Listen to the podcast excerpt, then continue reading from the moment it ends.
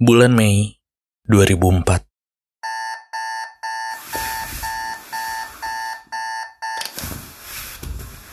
Bisa ngajak kamu pergi ke gedung bioskop yang lokasinya kebetulan gak jauh dari rumah kamu.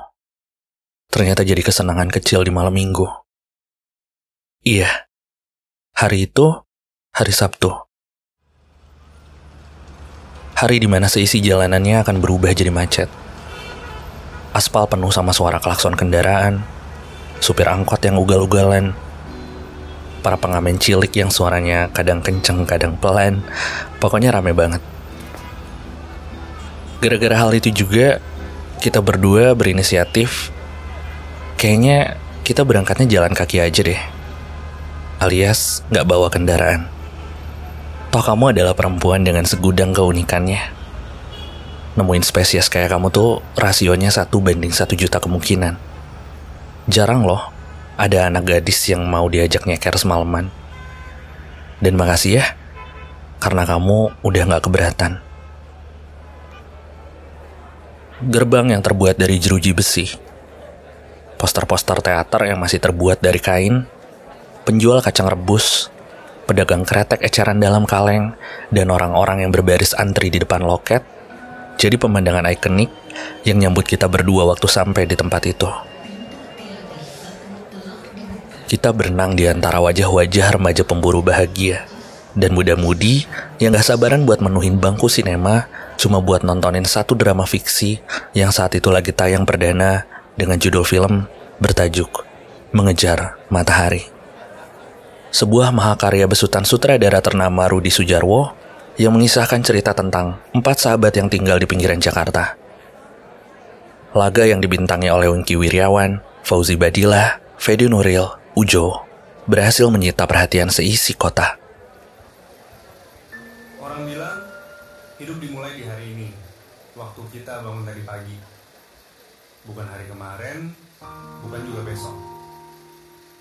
Tapi gue percaya hari ini dimulai bukan hanya dari kita membuka mata tadi pagi. Hari ini dimulai jauh sebelum itu. Ini adalah sebuah kompleks rumah susun, Tapi saat film itu sedang diputar, waktu kita memasukinya mataku tidak tertuju pada layar lebar, seperti masuk ke sebuah dunia yang berbeda. melainkan kamu.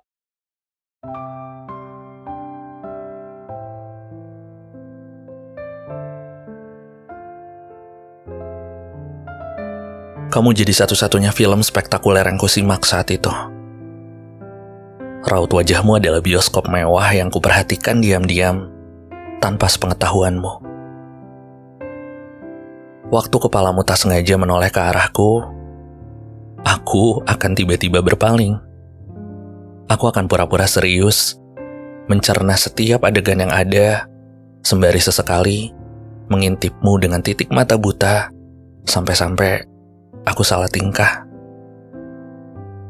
Lalu kedua korneaku akan otomatis kembali padamu. Ini aku terus terang aja ya. Maaf juga aku baru bilang sekarang, tapi saat itu jujur jadi momen yang bersejarah di hidup aku karena aku bisa nyaksiin langsung tujuh keajaiban dunia yang jaraknya ternyata nggak jauh dari bahuku.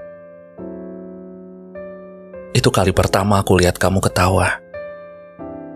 Kamu yang nangis, kamu yang marah, kamu yang kaget, kamu yang jijik, kamu yang seneng, kamu yang sedih. Luar biasa. Kamu nunjukin pola reaksi kompleks yang melibatkan jantung aku berdegup lebih kencang dari biasanya. Aku mempelajari tujuh emosi sekaligus. Respon nyata yang membuat laki-laki sepertiku ingin membangkitkan amigdala untuk berkata, Oh, jadi ini ya yang namanya jatuh cinta. Lagu Ari Lasso jadi soundtrack favorit kita saat itu. Di sepanjang perjalanan pulang, nadanya masih terngiang-ngiang di telinga kita. Waktu itu sih aku nyanyiin liriknya dalam hati. Kamu gitu juga nggak? kita berhenti di bawah lampu lalu lintas di sebuah perempatan yang jam segitu sih kayaknya udah jarang dilaluin sama orang-orang. Tapi di situ cuma ada aku dan kamu. Lampu masih menunjukkan warna merah. Kita berdua sama-sama terdiam, hanya menatap ke depan dan gak bicara apa-apa. Lalu, entah apa yang aku pikirkan, entah ada setan macam apa yang lagi berseliweran dengan tiba-tiba saja ku genggam tangan kananmu. Ku peluk jari-jarimu di atas trotoar abu. Tanpa sepatah kata. Tanpa bermain mata. Aku nggak tahu ekspresimu saat itu berubah jadi seperti apa, tapi entah kenapa, aku merasakan senyummu meraba kulit-kulit di lenganku. Hingga tak terasa lampu berubah jadi hijau. Tapi, apa yang terjadi selanjutnya? Rupanya kita tidak bergerak sedikit pun. Kaki kita masih menapak di tempat yang sama kita kita tidak pergi ke mana-mana. Senang dan dak-dikduk bercampur jadi satu, tapi tapi kenapa mulutku mendadak jadi bisu? Nyaliku menciut untuk mengutarakan perasaan yang lebih dari itu. Aku gagal menerjemahkan asmara ini menjadi sekumpulan bahasa. Sepertinya aku terlalu pengecut untuk menjadi Ardi yang menyatakan cintanya pada Rara.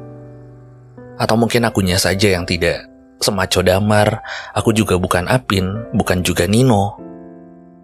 Aku cuma pria biasa yang ingin menghargai momen ini lebih lama. Film Mengejar Matahari mengajarkan kita untuk terus berlari apa pun yang terjadi.